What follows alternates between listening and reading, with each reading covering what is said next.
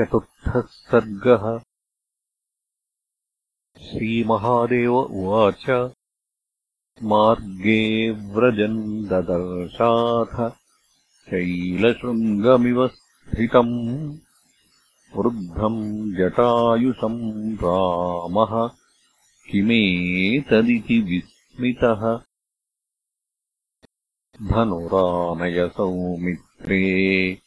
राक्षसोऽयम् पुरस्थितः इत्याह लक्ष्मणम् रामो हनिष्याम् ऋषिभक्षकम्।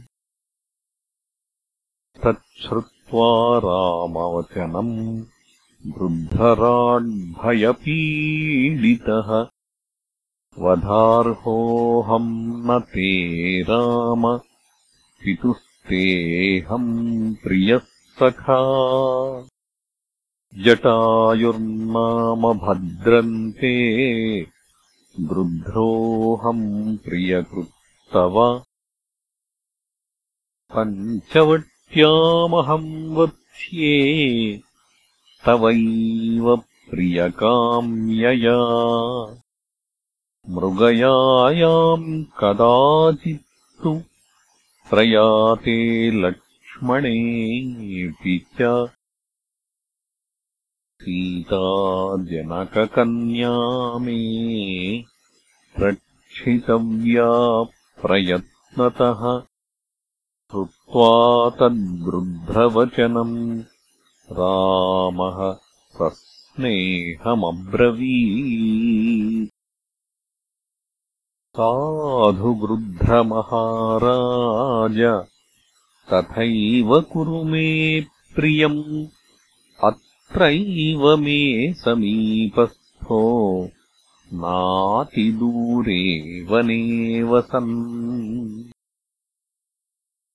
इत्यामन्त्रितमालिङ्ग्य ययौ पञ्चवटीम् प्रभुः लक्ष्मणेन सह भ्रात्रा सीतया रघुनन्दनः गत्वा ते गौतमीतीरम् पञ्चवट्याम् सुविस्तरम् मन्दिरम् कारयामास लक्ष्मणेन सुबुद्धिना तत्र ते न्यवसन् सर्वे गङ्गाया उत्तरे तटे कदम्बफनसाम्रादिफलवृक्षसमाकुले विविक्ते जनसम्बाधवर्जिते नीरुजस्थले विनोदयन् जनकजाम् लक्ष्मणेन विपश्चिता। अध्युवाससुखम् रामो देवलोकैवामरः। कन्दमूलफलादीनि लक्ष्मणोऽनुदिनम् तयोः आनीय प्रददौ रामसेवा तत्परमानसः धनुर्बाणधरो नित्यम् रात्रौ जागर्ति सर्वतः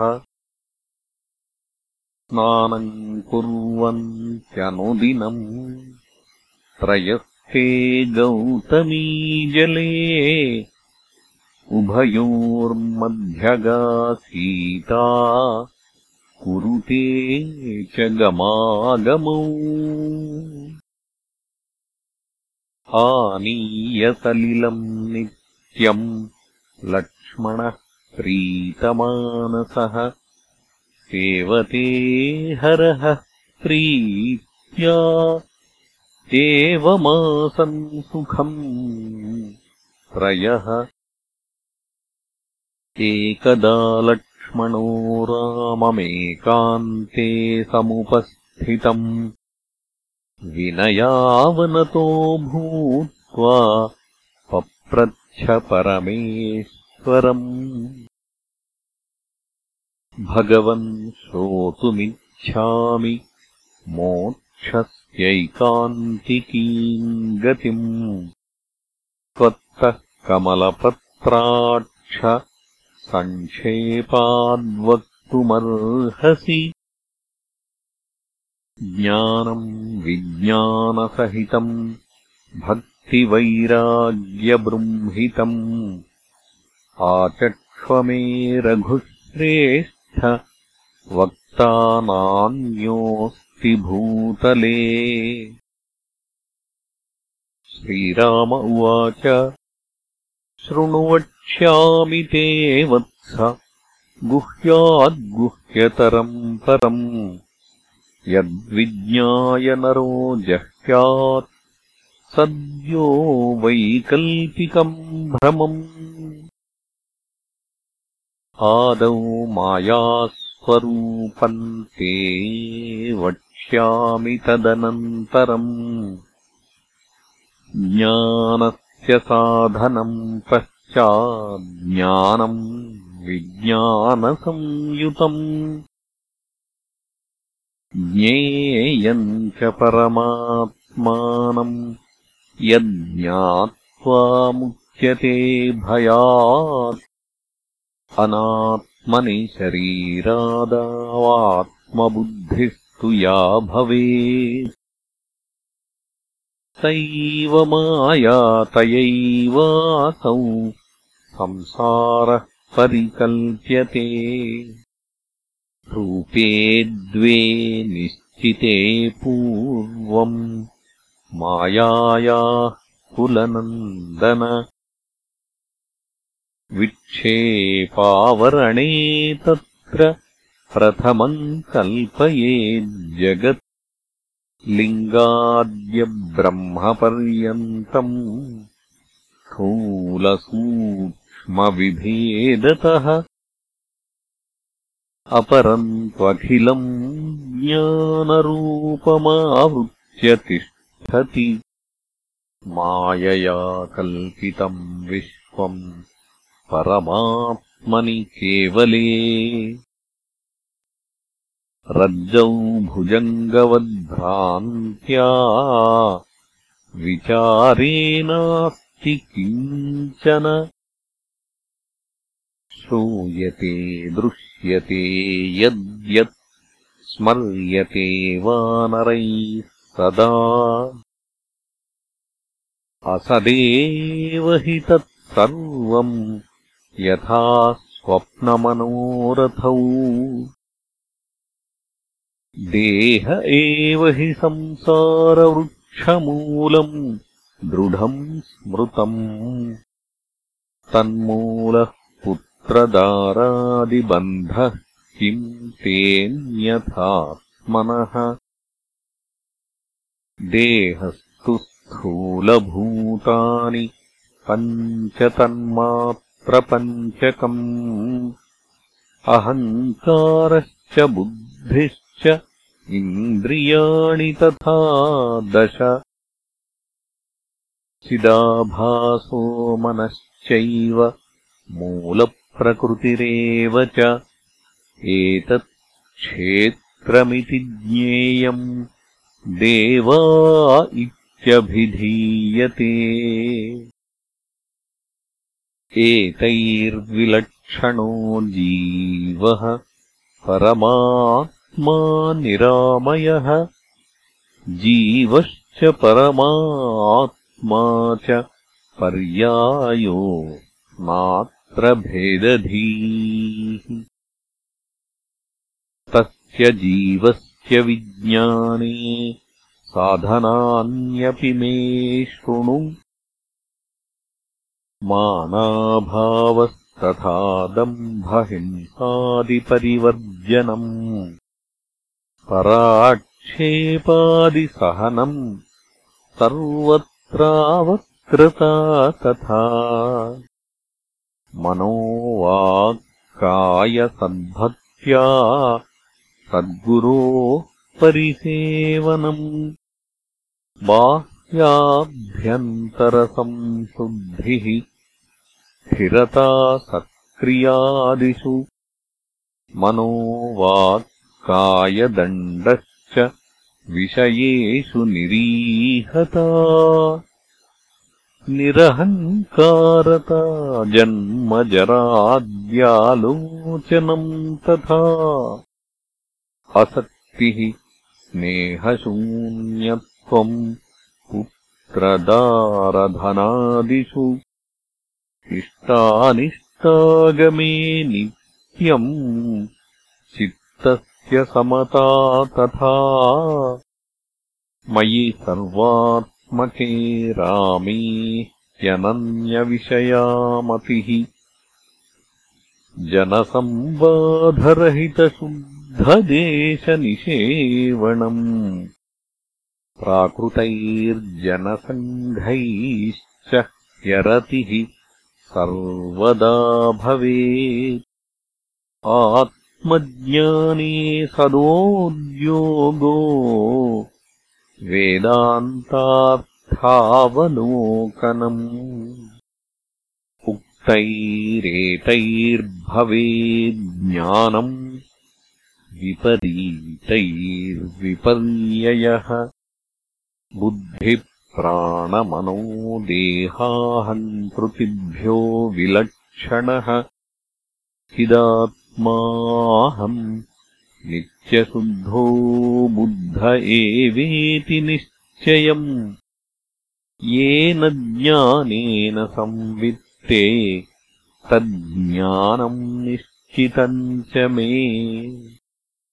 विज्ञानम् च तदैवैतत् साक्षादनुभवेद्यदा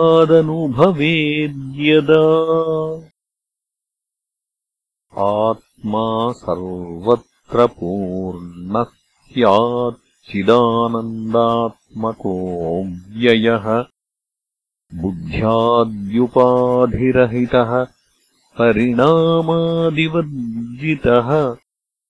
स्वप्रकाशेन देहादीन् भासयन्ननपावृतः एक एवाद्वितीयश्च सत्यज्ञानादिलक्षणः असङ्गः स्वप्रभो द्रष्टा विज्ञानेनावगम्यते। आचार्यशास्त्रोपदेशादैक्यज्ञानम् यदा भवेत् आत्मनोर्जीवपरयोर्मूला तदैव हि लीयते कार्यकरणैः। सहैव परमात्मनि। सावस्था मुक्तिरित्युक्ता ह्युपचारोऽयमात्मनि इदम् मोक्षस्वरूपम् ते। कथितम् रघुनन्दन ज्ञानविज्ञानवैराग्यसहितम् मे परात्मनः। किम् त्वेतद्दुर्लभम् मन्ये मद्भक्तिविमुखात्मनाम्। चक्षुष्मतामपि यथा रात्रौ सम्यम् न दृश्यते पदम् दीपसमेतानाम् दृश्यते सम्यगेव हि। एवम् मद्भक्ति युक्तानामात्मा सम्यक् प्रकाशते। मद्भक्तेः कारणम् किञ्चिद्वक्ष्यामि शृणु तत्त्वतः मद्भक्तसङ्गो मत्सेवा मद्भक्तानाम् निरन्तरम् एकादश्युपवासादि मम पर्वानुमोदनम् मत्कथाश्रवणे पाठे व्याख्याने सर्वदारतिः मत्पूजापरिनिष्ठा च मम नामानुकीर्तनम्। एवम् सततयुक्तानाम् भक्तिरव्यभिचारिणी। मयि सञ्जायते नित्यम् ततः किमवशिष्यते? अतो मद्भक्तियुक्तस्य ज्ञानम् विज्ञानमेव च वैराग्यम् च भवेच्छीघ्रम्। ततो मुक्तिमवाप्नुयात्। कथितम् सर्वमेतत्ते तव प्रश्नानुसारतः। अस्मिन्मनः समाधाय यस्तिष्ठेत्। स तु मुक्तिभाक् न वक्तव्यमिदम् यत्नान् मद्भक्तिविमुखाय हि मद्भक्ताय प्रदातव्यमाहूयापि प्रयत्नतः। य इदम् तु पठेन्नित्यम् श्रद्धाभक्तिसमन्वितः अज्ञानपटलध्वान्तम् विधूय परिमुच्यते भक्तानाम् मम योगिनाम् सुविमलस्वान्तातिशान्तात्मनाम्। मत्सेवाभिरतात्मनाम् च विमलज्ञानात्मनाम् सर्वदा। सङ्गम् यः कुरुते सदोद्यतमतिः सत्सेवनानन्यधीः मोक्षस्तस्य करे स्थितोऽहमनिशम् वश्यो भवे नान्यथा। इति श्रीमदध्यात्मरामायणे उमामहेश्वरसंवादे अरण्यकाण्डे चतुर्थः सर्गः